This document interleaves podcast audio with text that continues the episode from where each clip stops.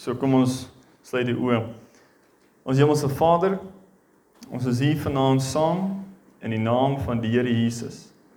Ons geliefde, ons beminde. Ons kom vanaand en ons vra U dat U ons barmhartig sal wees, dat U ons die gees van wysheid en openbaring in die kennis van Christus sal skenk vanaand. Dat die Heilige Gees ons oë sal oopmaak dat ons kan verstaan hoekom is ons hier en dat ons u plan kan sien met ons lewens en u plan met die kerk aan die einde van dae. Ons bid dit in die naam van Jesus. Amen. So hierdie is dan amptelik deel 3. Dis dan die einde van ons inleidende reeks oor Israel in die einde van dae. So ek wil graag hê daar sien ons het laasweek gesels oor die herbou van die tempel.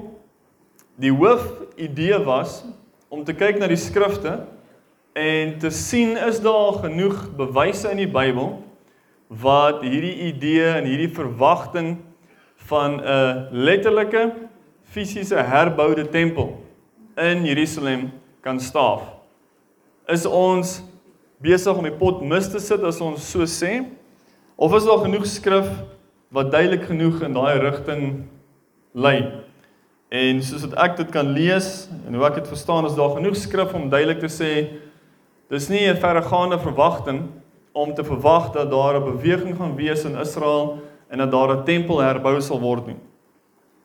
En natuurlik die die gevolge en die implikasies van so 'n herboude tempel strek ver en en en wyd in hoe ons dit verstaan en sien en so voort. Kan ek ook netjie kyk pas. Baie dankie. So daar het julle nou die notas vir vanaand se. Ons het heel eers gekyk na daai punt, die herbou van die tempel en so 'n bietjie van wat gebeur met die anti-kris Daniël 8, Daniël 11. Hoe lyk dinge? Hoe kan dinge gebeur in die toekoms? Dan het ons oorgegaan na die groot oorlog toe Armageddon, Gog en Magog, ehm um, Psalm 83, Joel 3, Sagaria 14 dat duidelik is daar genoeg skrif vir ons om te verwag dat oorlog in Israel en die Midde-Ooste gaan eskaleer. Dat daar eers gaan oorlog wees, grootskaals, en dan 'n vredesverdrag en dan daai vredesverdrag sal gebreek word en ek dink die vredesverdrag loop hand aan hand met die herbou van 'n tempel Julle het al seker gehoor van die Verenigde Nasies wat Israel 'n internasionale stad wil maak. So en ek het eers gehoor iemand het gesê dat die anti-kris wil Jerusalem hê as sy godsdienstige hoofstad.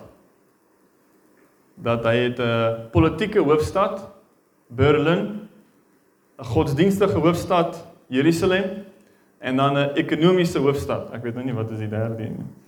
So ons het 'n bietjie gesels oor hierdie oorlog en ons gesien dat daar's genoeg skrif wat vir ons wys wat is die lande en dit wat ons al gesien het in die geskiedenis van Israel en hulle oorloë is iets wat herhaal. Ons het gekyk spesifiek dat daar 'n patroon in die Ou Testament soos 'n farao, 'n Sanherib, die Assiriese koning, Antiochus Epiphanes die 4de 168 jaar voor Christus en dat daai patroon iets is wat ons dan kan verwag in die toekoms. En dan gaan ons na vanaand toe en ons gaan vanaand eindig met wat ek hoop die klimaks sal wees van hierdie inleidende reeks en ek wil hê julle moet julle moet dit die die konsep verstaan dis 'n inleiding. Dis druppels in die emmer. Dit is hoofopskrifte op die groot die grootheid en die omvang van wat ons eintlik hiermee besig is. Dis hoekom ek probeer Ehm um, vanaand wil ek regtig gefokus bly op die notas. Ek dink nie ons gaan elke liewe punt deurgaan nie, maar dis daar vir jou om na te sien en te verstaan die konsep. Is daar skrif daarvoor? Gaan kyk self daarna, gaan doen self navorsing en lees die Bybel en bid en kom terug en laat hierdie 'n gesprek word om die braai. Laat hierdie 'n gesprek word in die huis. As jy die nuus opsit en jy sien Oekraïne, jy sien Rusland, jy sien die Midde-Ooste, jy sien dat die skrifte begin opkom in jou gedagtes soos jy hierdie dinge sien. So die groot oes die groot oes en ek het hierso in in hakies die fees van insameling. OK. Ons gaan dit bietjie deurgaan. Paragraaf 1, daai eerste paragraaf wil ek graag vir julle lees. Die massa bekering van die nasies en die herlewing van die slapende kerk is een van die profesieë in die Bybel wat in ons dae besig is om in vervulling te kom. Die Here gaan sy wil hê onder die nasies en net so ook in Israel. Ons ons studie is eintlik gefokus op Israel in die einde van dae en ons gaan hierdie stukkie gaan ons ook fokus deur hoe die Here hierdie massa bekering onder die nasies gaan doen deur Israel en waar kom hierdie konsep vandaan van 'n herlewing aan die einde van dae. Ek het al mense gehoor sê dat dis 'n 'n onskriftuurlike idee. Almal wat so op hol raak oor herlewing in die kerk, herlewing aan die einde van dae. Daar's mense daar buite wat kom en hulle label dit die narbeweging. Nie dat mense nou soos clowns is nie, maar hulle noem dit die New Apostolic Reformation. Hulle gooi mense soos om Angus Bakken in daai lys en hulle gooi verskillende predikante wat preek van die kerk moet invloed hê in hierdie wêreld deur die evangelie en daar's bewoordings soos die Seven Mountain Mandate wat gebruik word. Mense word opgerig en die Here stuur hulle in ekonomie in, in die besigheidswêreld in. Hoekom? Om daar te gaan oes, om daar te gaan evangeliseer. Die Here rig mense op in politiek.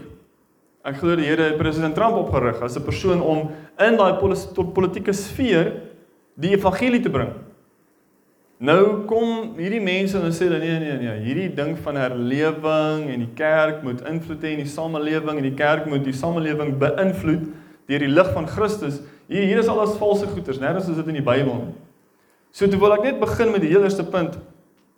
Punt nommer 1 daar, waar in die Bybel kom hierdie idee van 'n massa bekering en 'n herlewing vandaan? Het ons dit in die Bybel en kan ons dit erns die draadjie begin volg. So punt A onder punt 1.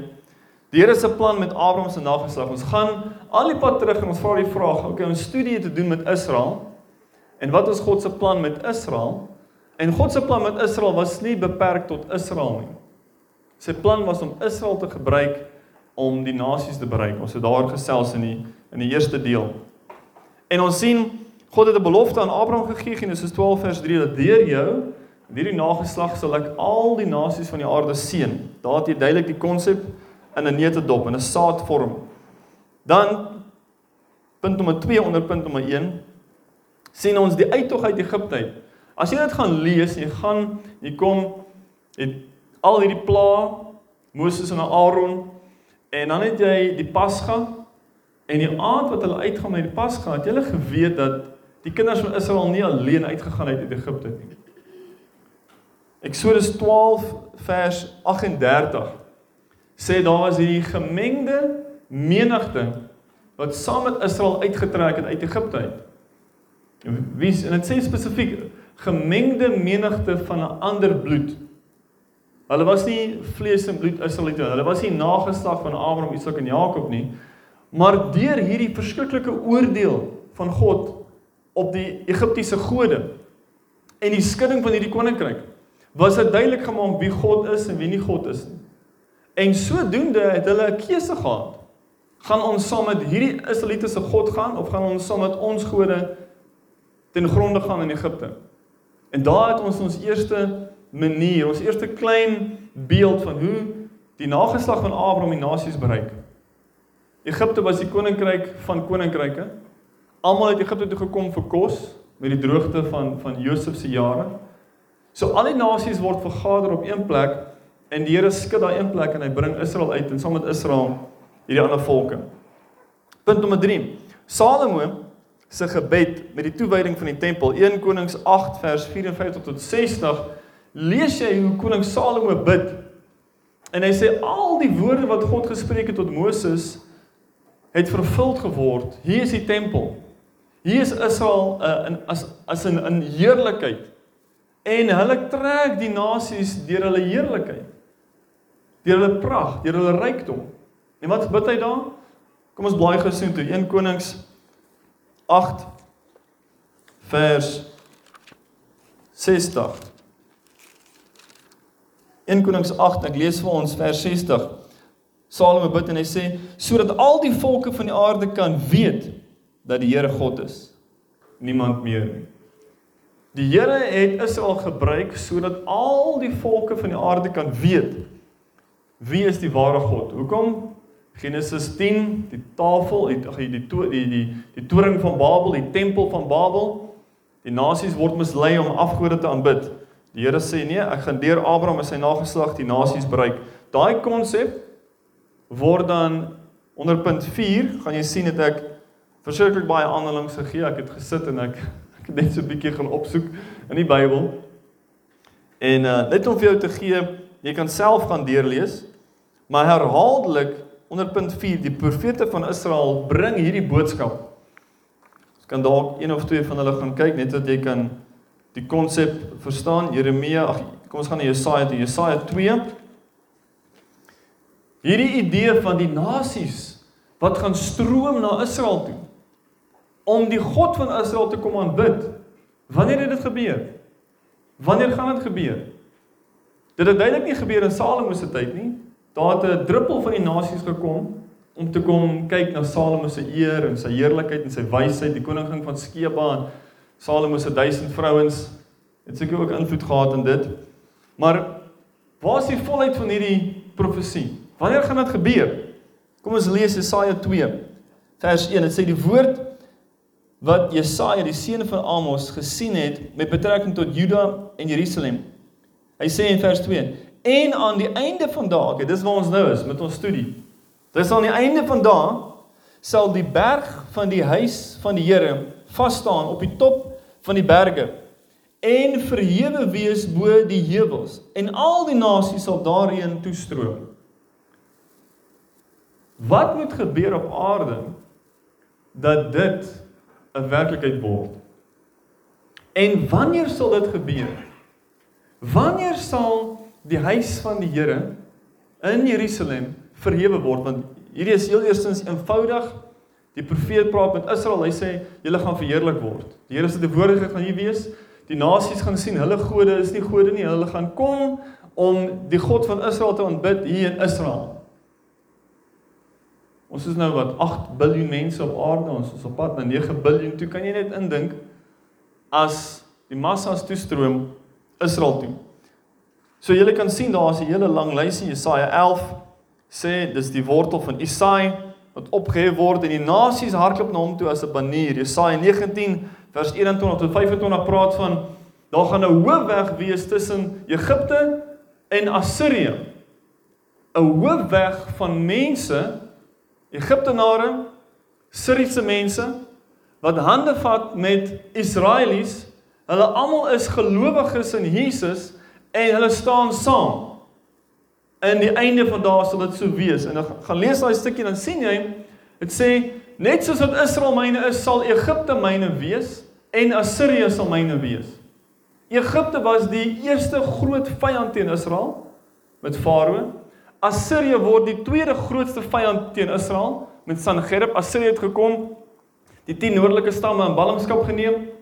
Assirië was die mega koninkryk in Jesaja se tyd.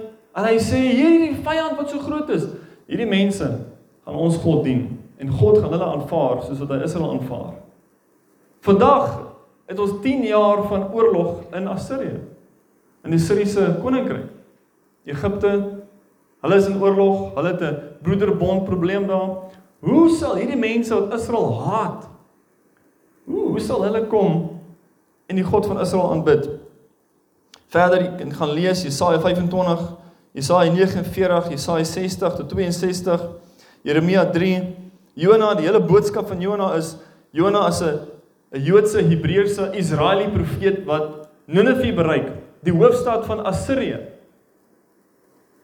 Oor en oor sien jy God gebruik sy mense deur Israel bereik in die nasies. Kom ons soos hulle sê fast forward Matteus 10. Jesus stuur die disippels uit en wat sê hy vir hulle? Hy sê gaan net na die verlore skape van die huis van Israel. Moenie gaan in die weg van die heidene nie. Ooh. Wat, doen Jesus nou hierson? Hoekom kom hy net vir Israel? En en as jy gaan lees, ek het die aanhaling daar gegee Matteus 15:24, hy sê dieselfde ding vir die Kanaanitiese vrou wat kom smeek vir sy vir haar dogter se genesing. Matteus 28 vers 19 Hier het ons 'n ander verhaal. Jesus sê nie vir die 12 disippels nou is alle mag en autoriteit aan my gegee in die hemel en aarde nie. Gaan dan nou net na al die verlore skape van die huis van Israel nie. Nee, hy sê gaan dan en maak disippels van al die nasies. Hoekom al die nasies nou na die opstanding en net Israel voor die opstanding? sien Israel moes eers bereik word. Die nuwe verbond word gemaak in Israel. Israel word herstel in 'n verhouding met God, die verhouding wat gebreek was in die verlede. Daai verbond word herstel in die bloed van Christus. 'n Nuwe verbond word gemaak. Hulle ontvang die Gees. Nou word Israel verheerlik, Handelinge 2. Nou kom die evangelie en hulle begin almal bereik in Jerusalem en dan in Judea en dan in Samaria. In Handelinge 10 begin hulle uitgaan na die nasies toe. Kornelius en sy huisgesin. Handelinge 13 gaan hulle uit Antiochië toe. En daar kry ons al die sendingreise van Paulus wat hulle uitgaan en uitgaan en Israel word 'n lig aan die nasie. So weer eens waar kom hierdie konsep vandaan van 'n herlewing of 'n massa bekering? Gaan lees al daai skrifte wat ek gegee het, gaan kyk wat het die profeet gesê en het dit so gebeur in Israel se geskiedenis? Van daai profete geprofeteer het, wys my in die geskiedenis van Israel die vervulling daarvan. En kom jy agter jong hier en daar was al 'n deposito gewees. Handelinge 2 was 'n deposito. Handelinge 10 met Kornelius was 'n deposito. Handelinge 19 in Efese waar Paulus daar gaan preek wat nou vandag moderne Turkye is, Asia Minor, dis 'n deposito. Nog nie het ons gesien op die skaal wat die profete geprofeteer het hierdie woord waar word nie. Vandag sien ons wanneer dit kom by die Hittefees, Feast of Tabernacles in Jerusalem, 100 plus nasies wat kom verteenwoordig. Almal van hulle gelowiges in Jesus kom om Israel en die Jode te kom seën met hulle teenwoordigheid en die God van Israel te kom aanbid. Dis iets om te beleef, om te sien in die strate van Jerusalem. Kom ons gaan na punt B toe. Hierdie konsep ontwikkel ons verder. Eerste Israel, daarna die nasies. Julle het dit al gelees in Paulus oor en oor en oor sê hy die evangelie eers vir die Jood en dan vir die heiden. Nou hier gaan ons terug Genesis 10. Daar's 70 nasies wat genoem word.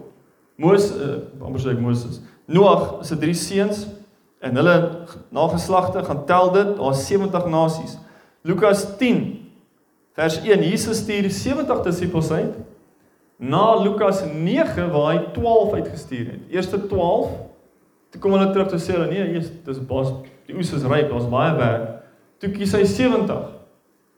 Jesus kies 12 disippels vir homself. Bereik Israel eerste. Na die opstanding gaan na die nasies toe. Vermenigvuldig. Vat dit verder. Punt nommer 3. Numeri 29 vers 12 tot 40 sien ons iets baie spesifiek waar by die loofhuttefees is daar 7 dae met spesifieke tempeloffers wat gebring moet word. Nou Numeri 29 stipuleer dag vir dag as jy ooit verveeld geraak het met hoekom het hulle nou 13 bulle offer en soveel bokke en soveel skape en hoekom het hulle wyn? Daar's 'n daar's 'n doel daarmee. Moenie vashak met dit nie probeer die die groter prentjie sien. 70 bulle word geoffer op die hittefees. Hoekom? Begin by 13 en dan gaan dit af na 12 en dan gaan dit af na 11. Toe elke dag een minder, dan stop hulle by dag 7 en as jy hulle optel, kom jy agter dis 70 bulle. En as jy 'n bietjie van die rabbynse geskiedenis gaan lees en hulle kommentare, probeer hulle ook verstaan, sê maar dis 70. 70 is die getal van die nasies. Hulle het eintlik 'n tradisie wat sê by die toring van Babel toe die tale verstrooi word en vir en en die verskillende tale gegee word, was al 70 tale gegee. Want dis hoe die nasies toe geboorte aangeskenk was. So, punt nommer 4, eerste Israel En daarna die nasies Matteus 10 en Matteus 28 het ons nou klaar bespreek. So daai is die konsep. God bereik Israel en deur Israel die nasies en hy doen dit en hy plaas dit binne die tempeldienste. Punt C. Israel se roeping word verduidelik en geopenbaar in die tempeldienste. So daar's drie groot feeste in die Bybelse tyd en daar's drie groot oesseisoene. Elke fees is gekoppel aan 'n oesseisoen. Want hulle is landboumense gewees. Hulle het nie yskaste en vrieskaste gehad soos wat ons vandag het nie. Nommer 1 fees is Pasgafees. Dis die garsoes. Jy kan lees in Eksodus 9 vers 31 32 toe die plaag gekom het, die plaag van die haal. Toe sê dit daar die haal het getref in die tyd toe die gars ryp was. Toe dit toe die gars Aviv was, eerste maand. Josua 5 kan jy ook lees, die tyd toe die kinders van Israel ingaan in die beloofde land en 40 jaar later was dieselfde tydperk gewees, die tyd toe die oes ryp was, die garsoes in die land van Kanaan. So punt nommer 2 Pinksterfees is 50 dae later dat jy die koringoes Levitikus 23 kan jy dit daar gaan lees. Dan die hittefees is die laaste fees. Dis die einde van die jaar se fees. En hierdie fees is gekenmerk as die druiwefees, maar ook die vrugteoes. Julle kan dit daar ook gaan lees in Deuteronomium 16 vers 13 tot 17. Nou, hier kom die assosiasie baie duidelik voort as jy sensitief is en jy jy let op Die hittefees was die tyd toe die eerste tempel, Salomo se tempel, 1 Konings 8 soos ons nou gelees het, 2 Kronieke 7, toe sy tempel toegewy was, was oor die fees wat hulle noem die Feast of Tabernacles, Sukkot, hittefees. Dis die word gesien as die fees van vreugde in die Bybel. Inteendeel as jy Levitikus 23 gaan lees, dan sê God daar in hierdie tyd beveel ek jou om vreugdevol te wees. Ek meen so as jy ooit hou van partytjie hou, nou beveel die Here jou om vir 7 dae lank partytjie te hou. Jy sien hoe kom as jy sal toe gaan, hoe kom mense op hierdie tyd gaan want is net 'n partytjie daarson in Israel. Maar raai wat? Die tweede tempel, na 70 jaar se ballingskap, Nehemia en Ezra kom terug. Hulle herbou die tempel. Die tweede tempel word toegewy ook op die hittefees. Dis asof Nehemia hulle gesien het wat Salomo gedoen het en sê daar's iets omtrent hierdie ding hoekom ons die tempel moet toewy op die hittefees. En daar's 'n baie belangrike rede daarvoor.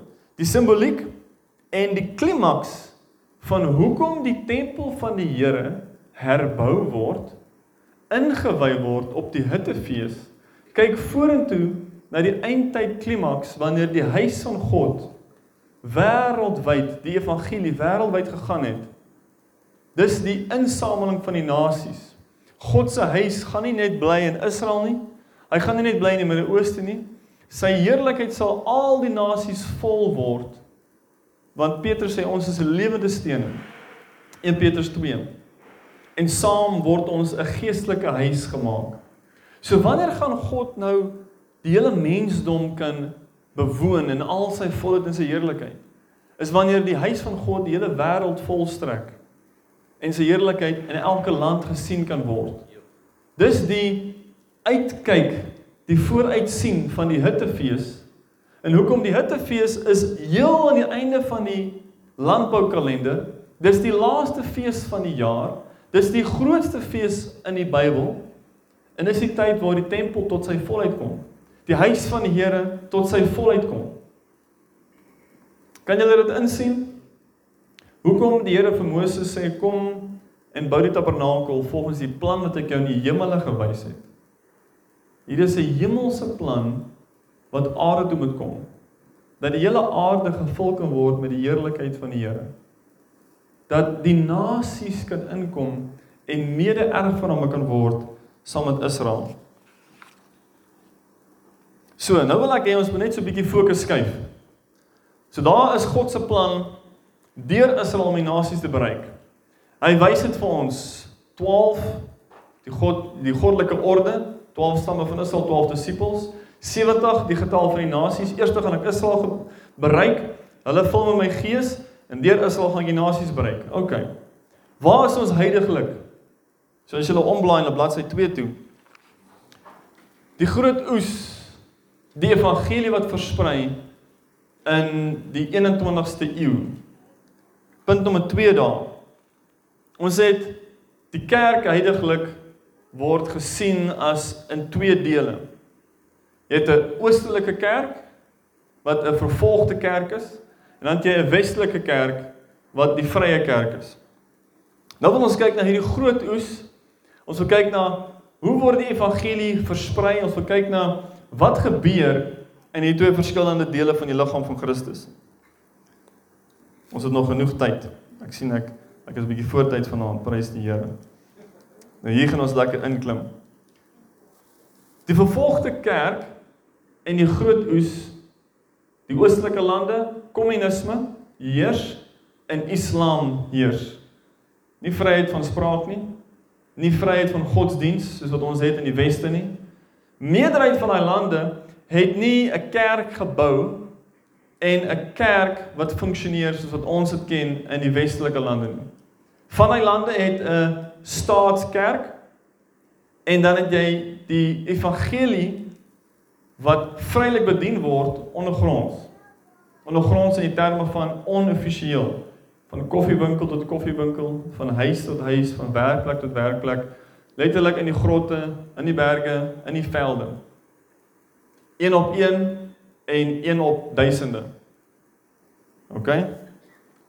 Punt nommer A. Ek wil hê ons moet na hierdie vier kyk.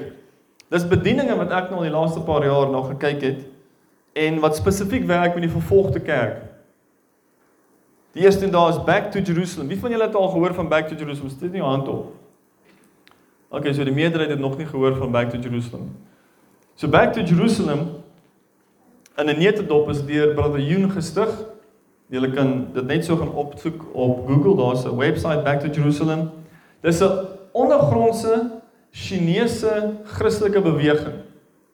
OK. Verskriklike motivering wat jy gaan kry, inspirasie as jy die getuienisse gaan lees. As jy gaan lees wat hulle doen. As jy sien wat die Here vir hulle gewys het. Hoekom noem hulle dit back to Jerusalem? Hulle sê die evangelie het van Jerusalem af gekom. Hy het China bereik. Die uiterhoeke van die wêreld. Nou gaan ons die evangelie terugvat na tussen elke land tussen China, die groot muur van China en die klaagmuur, die westelike muur in Jerusalem.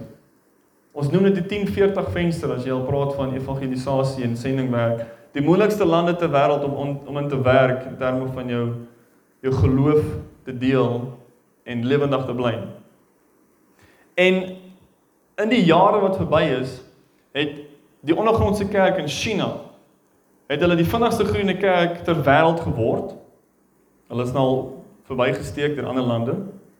Hulle groei ten so 'n tempo dat die president van China het die ondergrondse kerkleiers genooi vir 'n vergadering om hulle offisiële status te gee as 'n amptelike kerk as hulle hulle lidmate en hulle netwerke sal ontbloot. Nou praat ons van een ou wat 100 miljoen lidmate het in sy netwerk. So dis 'n netwerkstelsel. Klein groepies, groot groepies, dis nie geboue nie. En almal van hulle is disippels en almal is aktief betrokke om disippels te maak. En hulle is nie net meer soos in die verlede arm boere of mense op die straat of fabriekwerkers nie. Hulle is deesdae geleerdes wetenskaplikes, prokureurs, ouens wat tegniese uh um tegnologiese besighede het. So die kerk in China vir jare nou al hou die rekord vir die meeste sendelinge wat hulle uitstuur vergelykend met al die ander lande in die wêreld saam. Stuur hulle meer sendelinge uit elke jaar. En hulle stuur hulle uit van China af elke land wes van China tot in Israel. En hulle model is hulle gebruik besigheid as die dekmantel. Kyk, die Chinese ouens, hulle produseer maar hulle massa vervaardig China shop. maak 'n challenge op op daarso, kyk wat is daar nodig in die mark en dan deur die besigheid. Ek meen watter Arab ou gaan nou 'n Chinese ou verdink as 'n Christen? Ek So hulle kom in en hulle gebruik die besigheid om die bediening te befonds. Hulle gebruik die besigheid as 'n dekmantel. Kyk, hulle is hulle is 'n syndikaat vir die koninkryk. Dit is wat ek al gesien het hoe die ouens in die vervolgde kerk leef. Hy loop nie rond en sê hy's 'n pastoor nie. Nee, hy's 'n ingenieur of hy is 'n verkoopsman of hy bou of hy doen dit. Maar hy bid in die aande, in die oggende. Hy het materiaal. Hy smokkel en hy is so besig om met die Heilige Gees die evangelie te deel. Volgende ouens, nommer 2, geopende deure. Wie het al gehoor van geopende deure? OK, so die meerderheid van julle het al gehoor van geopende deure. Broer Andrew, jy kan daai boekie gaan kry. God se smokkelaar. As jy regtig motivering nodig het. As jy nodig het om geskit te word en uitgedaag te word in jou geloof. Dan lees jy daai boek en dan vra jy jouself die vraag: Here, hoe op aarde is dit moontlik? Hy ry met 'n bussie vol Bybels na 'n kommunistiese roadblock toe. En hy bid en sê Here, toe jy op aarde was, het U mense se oë oopgemaak. Sal U nou die mense se oë toemaak vir die evangelie? Toemaak dat hulle nie die Bybels kan sien nie. Dan kom jy ouens met die masjiengewere na hom toe. Dis jy, was jy papiere so en so? Nee, hierso so en so. Kyk, kyk. OK. sien niks nie. Ry hy deur. As hulle hom daar vang, skiet hulle hom net daar dood. Sy vrou en sy kinders sien hom nooit weer nie. Begin in Holland. En ek hoor hierdie een aanhaling van hom. 'n Ou vra hom met jy enige spyt in jou lewe. Nou as jy daai boek gaan lees, dan sal jy sien. Hulle het in een aand praat van 'n syndikaat 1 miljoen Bybels in China ingesmokkel.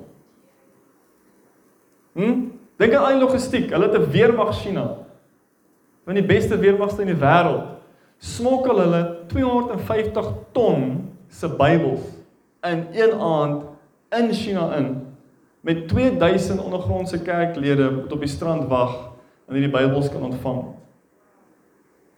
Toe sê hulle nee, die die nood is so groot, doen dit weer asseblief. Toe doen hulle dit 'n tweede keer. En daar's 'n boek geskryf daarvan as jy gaan opsoek broer Andrew geopende deure en jy gaan soek op hierdie ek kan nie eens maar nou wat se titel die titel van die boek nie, maar daar's 'n boek geskryf A Million Miracles of iets soos dit. Dan gaan jy kry, dan kan jy dit gaan lees en gaan kyk. Hulle hulle het 'n hele dokumentêr gemaak van dit, hoe hulle die skip gevat het van Singapore, hoe hulle die Bybels toegedraai het dat dit waterdig is, hoe hulle dit gegooi het in die see, hoe hulle gedryf het na die strand toe, hoe hulle die weermag gesien het, hoe hulle gebid het, die ouens was op die see. Hulle in broer Andrew gebel en gesê nee, stop. Die Here sê nog nie. Hulle almal wag. Die hele crew, hulle kan doodgaan, hulle familie kan nooit weer sien nie. Hy bid en hy bid en hy sê een aand toe die Here sê nou. Toe hy sê nou, toe gaan hulle. Niemand vang hulle nie. Toe doen hulle dit in Iran in 'n miljoen Bybels in een aand. Jy sien as jy hierdie goed hoor, dan begin jy 'n bietjie uitgedaag word in jou geloof. En hierdie die ding wat hy toe gevra is, Het jy enige spyt in jou lewe na al daai goeders? Hy sê ja. Wat is dit? Hoe hoe op aarde? Hy's hy's nog lewendig het het. Hy's in sy hoë 90's. Broer Andrew van geopende deure. Hy sê die spyt wat ek het is ek het nie meer risiko geneem vir die evangelie nie. ek het nie meer gewaag vir die Here nie. Derde enetjie, Frontier Alliance International, FII vir kort. Hulle is nou gebaseer in Sirië, Irak. Hulle werk in Iran, hulle werk met ondergrondse kerk. Jy kan hulle gaan opsoek. Hulle het 'n YouTube kanaal. Hulle het dokumentêre gemaak, twee dokumentêre wat ek jou kan aanbeveel. In die volgende week gaan kyk hulle. Sheep Among Wolves 1 en 2. Volume 1, volume 2. Waar hulle vir 7 plus jaar gewerk by die ondergrondse kerk in Iran, in Irak. Hulle het gebly, die ouens het gebly in Iraki Kurdistan, noordelike Irak. Hulle is nou gestasioneer in die Golden Heights en van daar af werk hulle in die hele Midde-Ooste om die evangelie in te kry deur middel van humanitêre hulp. Dokters, verpleegsusters, mense wat kom en vrylik kom uit die weste uit en sê ons sal gaan in Sirië in. En ons sal daar hospitale gaan oprig en ons sal daar mense gaan help. Hulle word nie betaal daarvoor nie. Vrylik, hulle gee hulle tyd, hulle lewens op. Hulle weet as ons hier oor hierdie grens gaan van Israel af, dan is ons in leeu wêreld. Ons kan enige tyd geskiet word deur enige terroriste groep. Hulle kan ons kom vang, hulle kan ons martel, hulle kan wat ook al. Maar ons gaan in daar met mense wat ons kontak mee gemaak het en ons gaan ons bring al hierdie mediese hulp in met vaardighede. En ons is daar om hierdie mense te help. En ons soos ons hulle help, deel ons Jesus se liefde met hulle. En soos ons dit doen, bid ons vir hulle en hulle gaan deur al die tromme wat daai mense saam deurgaan. Vierde enetjie, Free Burma Rangers, Dave Eubank. Julle kan dit gaan YouTube uit die YouTube kanaal, daar's 'n movie gemaak, Free Burma Rangers. Ek dink hy's laas jaar uit. Fenomenaal. Het hy het hoeveel toekenninge gewen. As jy daai movie gaan kyk, weer eens daag dit jou uit want dit wys jou geloof in aksie en die hand van die Here op iemand se lewe om getrou te wees in klein goedjies. Hoor wat sê die Here nou en wees getrou aan dit en bly saam met die Heilige Gees. So hulle werk hoofsaaklik in Myanmar en Burma. Hulle daar begin met relief groups. Gaan help mense vlug van die lang die langste grootste burgeroorlog ter wêreld dink hy is nou al 24 plus jaar aan die gang. Die Burmese army gaan en hulle veg teen sekere etniese groepe wat nou gewapend is en in die kruisgeveg sterf die vrouens en kinders en mense. En hierdie ouens gaan in om daai mense net uit te trek. Hulle noem dit uh internally displaced peoples. So weer eens in 2014-15 roep die Here hulle na Irak toe met die geveg teen ISIS en hulle gaan in om mense uit Mosul was die hoofstad van ISIS om mense daar uit te gaan evacuate soos hulle sê in Engels terwyl ISIS op hulle mense skiet wat uithardloop terwyl die weermagte op ISIS skiet gaan hierdie ouens in en hulle red mense se lewens en hulle wys jou daai verhaal want hy het 'n ou langsom wat alles op video gevang het en dan sien jy weer eens die Here se hand daai Wat is daai woord, Griekse woord pastoor? Daai ding. Daai is 'n Griekse. Jy sien daai daai meevoel, daai barmhartigheid, daar's 'n dogtertjie wat daar lê. En die skerp skutter skiet almal dood wat hom maar is. Sy lê onder haar ma se kledingstuk, haar ma lê dood daar vir 3 dae al. Hy sien haar raak, iemand stuur van die radio, daar's 'n dogtertjie, daar's mense lewendig daar, hulle skiet op haar. Hy sê o nee Here, asseblief, nie dit nie. En Here sê vir hom Johannes 15 ding is vers 10, vers 12, geen groter liefde ja. dat iemand as dit. As jy nie geveg, hulle skiet te mekaar. Dat jy jou lewe neerlê vir jou vriende. Hy sê hoe is dit moontlik? Dis onmoontlik. Ek gaan al my mense se lewens op gevaar stel om my dogtertjie daar te red. En hy bel praat en daar gaan hulle. En dis op video. Julle julle sien hoe hulle hardloop agter 'n tank. Hoe hulle uit hardloop en hoe die ouens skiet vir cover en hoe hulle daai dogtertjie gryp. Dis nie een dogtertjie, dis nog iemand, dis nog. en dit hou nie op nie. Keer op keer kom dit by 'n plek waar, Here, maar ek kan nie, dis onmoontlik. Hulle gaan my doodskiet as ek daai een probeer red. Daai een lê al 3 dae. Laat hy net doodgaan asseblief, Here. Sy lê al 3 dae in die son. Al bene is afgeskiet. Los hom net daar. En die Here sê nee. Vir daai een. Vir daai een ook. En dan is dit soos, "Wow, Here, U is meer werklik as wat ons gedink het." OK, vir ons tyd ons vang. Punt B. Hoekom? Nou is die vraag, hoekom groei die evangelie, die koninkryk so vinnig en geweldig in hierdie moeilike omstandighede? Ek meen, so ek het julle gesê China was eerste gewees jare en jare en jare as die vinnigste groeiende kerk ter wêreld. OK? Die president het gesien hier's 'n probleem. Met hierdie huidige groei teen 2030 sal omtrent 1 uit 3 Chinese 'n Christen wees. Daar sal meer Christene wees as die kommuniste kommunistiese Chinese party. Dan het ons 'n groot probleem. En die partylede word nou omgeswaai ook in hierdie geloof. Dis 'n groter probleem. So as die ondergrondse kerk in China vir die president van China 'n groter bedreiging is as Amerika, dan moet jy weet. Die koninkryk van die hemele is besig om die poorte van die doderyk te bestorm en die doderyk sal dit nie oorweldig nie. Naas China word die volgende vinnigste groeiende kerk wat toe eerste geword het Iran.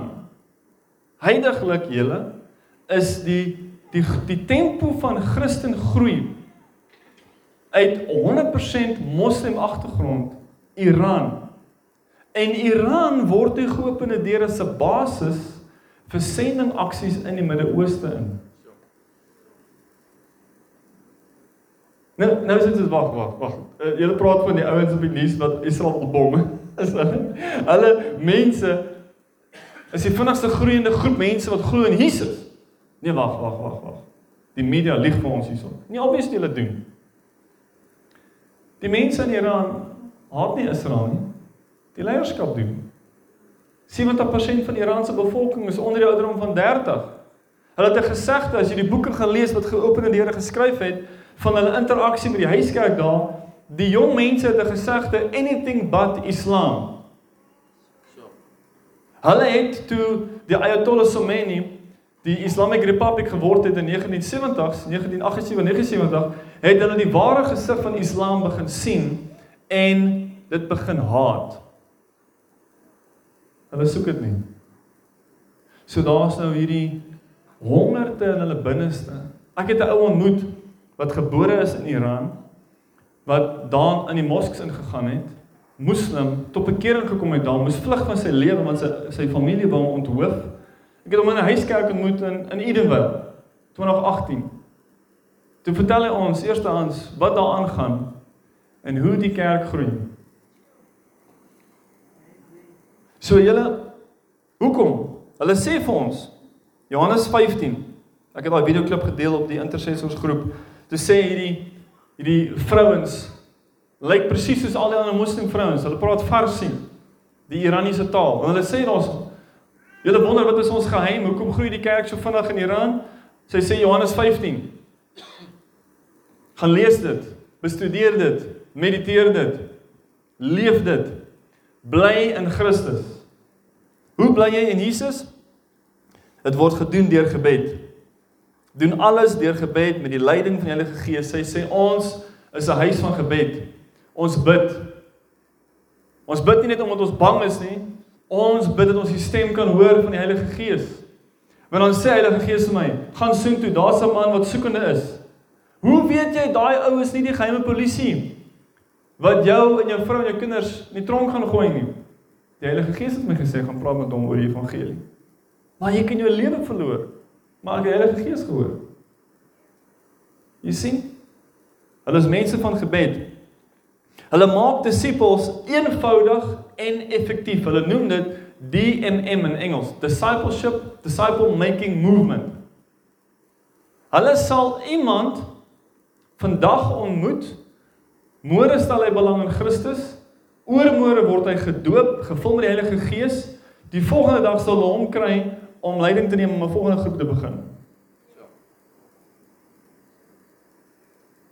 En die model is, kyk daar's handleidings. Ek het ek het die enetjie gekry van geopende deure wat ons in 2019 deurgewerk het. Nee, 2020, ekskuus my oor oor oor die internet oor Microsoft Teams het hulle ons deur die 12 is 'n handleiding met 12 lesse wat hulle gebruik in Iran en in die ondergrondse kerk wêreld om iemand wat op bekering gekom het so gou as moontlik deur die basiese leringe van die geloof te vat, doop, handoplegging, bekering, gebed, hoor die Heilige Gees se stem, hoe studeer jy die Bybel vir jouself? Want as môre met my iets gebeur, moet daai persoon kan self aangaan. As die die leier van 'n ondergrondse kerk groep gevang word, wie gaan die groep bly volgende dag? So die die mentaliteit is Die leierskap word gedeel onder die mense. Almal het 'n verantwoordelikheid. Want as almal op die een ou staan en hy word gevang, dan hardloop die skape. En daarom moet jy die mense leer om so gou as moontlik die Heilige Gees se stem te hoor vir hulle self. Jy moet hulle so gou as moontlik kry om gevul te word met die Gees. Jy moet hulle so gou as moontlik leer en hulle vestig in hulle geloof. Die eerste paar lesse gaan alles oor die versekering dat jy gered is, die versekering dat God jou hoor, die versekering dat Jesus se bloed jou skoon gewas het, die versekering dat die Heilige Gees met jou is, die versekering dat jy sy stem kan hoor. Dis die noodsaaklikste goed so die ondergrondse kerk hou die belangrikste goed eerste altyd. Laaste punt daar die verdrukking en die vervolging. Hulle sê moenie bid dat die verdrukking ophou nie. Moenie bid dat die vervolging ophou nie. Ons sê soos nee, Jesus, ons verstaan dit nie. Julle julle word gevang, julle word gemartel. Daar's wat gebeur as hulle vang jou in van hierdie lande? Dan martel hulle jou. Dan bring hulle 'n papier na jou toe en hulle sê vir jou teken net daarson. En verloon Christus. Dan kan jy teruggaan jou lewe toe, jou vrou en jou kinders, jy kan teruggaan na jou werk toe en sê nee. Dan slaan hulle jou, hulle martel jou, gooi in die tronk vir nog 'n paar dae, kom terug, sê vir jou have you reconsidered? Teken net daarso. Soos in soos in regtig julle in China, in Afrika. Sê sê hierdie een ou vir ons van geopende deure wat ons gekry het om daar in Vredefort te kom bedien. Hy sê vir ons, hulle het herlewing beleef in Somalië. Somalië is 'n verskriklike land. Ek dink hy's top nommer 3. As jy geopende deure gaan kyk, dan het hulle 'n lys van 50 lande ter wêreld wat die ergste vervolging beleef. Somalië is nommer nommer 3. Hy sê ons het nuus gekry van herlewing. 20 moslems het op bekering gekom. Toe onthoof hulle 16 en nou is nog net 4 oor en ons weet nie waar is hulle nie. Dis wat gebeur. Dis die werklikheid. Kyk, kom ons gaan na punt nommer 3 toe en maak ons klaar hierdie sessie met punt nommer 3. Nou is ons hier, ons ken die vrye kerk. Dis ons. Die vervolgde kerk roep uit na die vrye kerk, die westelike kerk en hulle sê op daai video wat ek gedeel het, sê daai vrouens: "Dit wat ons beleef is by julle voordeur. Ons waarsku julle vooraf. Hierdie kom na julle toe. So berei voor. Leer want ek vra vir vir hierdie gepredeerde ou nou nou wat sê hierdie mense in die vervolgde kerk soos Hy sê die heel eerste ding wat hulle gesê het is toe die vervolging kom en die moeilike tye kom, nee, ons het nooit gedink dit sal hier gebeur nie. Hy sê, "Oké, okay, en daarna, wat sê hulle dan? Hulle sê, "Ons het nooit gedink dit sou hier gebeur nie." Oké, okay, en toe hulle besef dit gebeur, wat sê hulle toe? Ons het nooit gedink dit sal ooit hier gebeur nie. En toe gebeur dit hierso. En hier sit ons in die Weselike Kerk, punt A, wat sien ons? Humanisme is op die aanval teen die ware geloof. In watter vorms? Punt 1 LGBTQ beweging in die westelike nasies. Jy kry dit nie in die oostelike nasies nie want hulle sal jou onthoof as jy 'n islamitiese nasie gay is. Hulle aan, hulle aanvaar nie gays nie. So daar's 'n ander vorm van verdrukking en vervolging en aanval. Maar in die westelike demokratiese lande het ons hierdie ding wat 'n ewel is wat hulle noem human rights. So ek het 'n reg om te wees wat ek is en dit te wees as 'n Christen. En nou as ek in 'n kerk kom en ek wil hê jy moet my trou en jy wil my nie trou nie, dan is jy besig om weet my gevoelens seer te maak. En ehm um, dan gaan ek na die menseregte kommissie toe gaan en ek gaan jou aankla van diskriminasie. Ooh. Dis wat ons het, julle. Saam met hierdie wat 'n verskriklike kompromie voorbring in die kerk, het ons valse leringe wat toeneem. Ons het 'n goedkoop genade boodskap en 'n voorspoed leer wil almal net gemaklik hou. En hulle hou in ons klub, ons social club. Want een, die mense is vasgevang op die vrees van die mens en twee, ons wil nie uitwees nie. Ons wil nie nog iemand se voete trap nie. En dan gaan hulle ons dalk aankla. Dan gaan ons invloed verloor. En derdens ons het denominasie mentaliteit. Jy het nie denominasies in die vervolgde kerk nie. In China se 200 plus miljoen lede het jy nie een denominasie wat beklei teenoor 'n ander denominasie nie. Hulle het nie geboue met titels.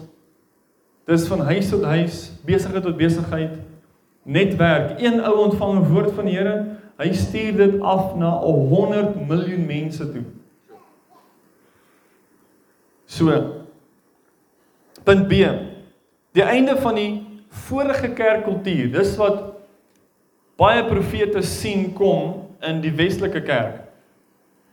Hulle sien 'n golf kom en die golf tref die kerk en dat die kerk sal nooit weer dieselfde wees soos wat hy was nie. Ek noem dit spesifiek so die vorige kerkkultuur. Die denominasiekultuur, die godsdienstige kultuur, die louheid. Wat sien ons punt 1? 'n Nuwe generasie gelowiges. Die ongenooides is die Here besig om te red. Die drankdealers, die mense in die okkult, die mense wat ateëste was, die mense wat in evolusie geglo het. Hy red mense wat onkerkmense is. Hulle is nie gekerk nie. Hulle het nie die kerkkultuur van die vorige generasie nie. Hulle kom in wild. Hulle kom in vurig, honger. Hulle het 'n belewenis met die ware God en hulle kom in 'n kerk in met 'n kerkkultuur en hulle sê Jesus. Dis nou nie wat ek beleef het nie en hele ding is hy's mooi gepackage en hy's gefine tune en hy het al hierdie mooi woorde en die maar maar daar's nie lewe nie. Daar's nie krag nie. Die mense verander nie. Wat gebeur? Uit is hulle. Punt 2. Die kerk sonder mure is wat ons sien in die westelike. Jy kan hierdie neerskryf. The last reformation. Ek ek noem dit dat jy kan gaan kyk. Dis een van die seker baie ander fenomenons wat gebeur in die kerk in die weste. Dis kerk groei, evangelie wat uitgaan in die strate, in die malls, in die McDonald's, in die Pick n Pay's by die parkies, by die velde waar mense tot bekering kom. Mense word in die straat bevry van demone. As jy die laaste information gaan kyk, daar's 3 video's wat hulle gemaak het hoe Denemarke nou 'n wet ingebring het dat dis onwettig word onder die titel gesit van ek moet dit nou reg sê um mental abuse as jy iemand bevry van 'n demoon dan word dit geklassifiseer as mental abuse en jy kan tronk toe gaan. As iemand begin ruk en skud en te kere gaan en praat in snaakse name en tale en goed en jy sê uit in die naam van Jesus jou demoon en hier staan mense om en hulle sê dit is verskriklik dit lyk vir okay nee hulle gaan jou aankla van mental abuse jy gaan tronk toe. Ja. Tendens wat groei soos jy nie kan dink nie in die westelike wêreld. Laaste punt. Kerkgangers is op soek na die ware geloof. Daar's 'n uittog uit kerk uit. Al jare lank in Suid-Afrika sê hulle die kerke loop dood. Die kerke loop dood. Die mense die die vorige kerkkultuur julle die Here gee openbaring, iemand gryp dit, hulle bou 'n kerk om dit en hulle stop net daarso. Hulle hoor nie wat sê die Heilige Gees volgende nie. So daar's 'n ou in Amerika wat gesê het wees versigtig dat jy nie 'n ekko word nie, maar dat jy 'n stem is. As jy 'n ekko word, weet jy wat gebeur? Mense in die gemeente wat 'n verhouding met die Here het, hulle luister na die stem binne die stem. Praat jy die stem van die Here of praat jy iemand anders se stem? Praat jy ekko of sê jy wat die Heilige Gees nou sê want dan word dit lewendig in 'n mens. Die ene groep mense daag dit uit. Hulle sê o nee, jy's ek nou nie van hierdie plek nie. Hierdie ouens, hulle nee ja ja. En hulle loop. Die ander groep mense sê, "Jesus, ons soek die Here." Ons soek hierse groep mense wat die Here soek en ons wil saam met hulle die Here soek. Kom ons stop daar en dan gaan ons 'n breek vat. En Dan gaan ek net so kortliks hersien voor ons sessie 2 begin en voor ons 'n paar vrae gaan vat vanaand.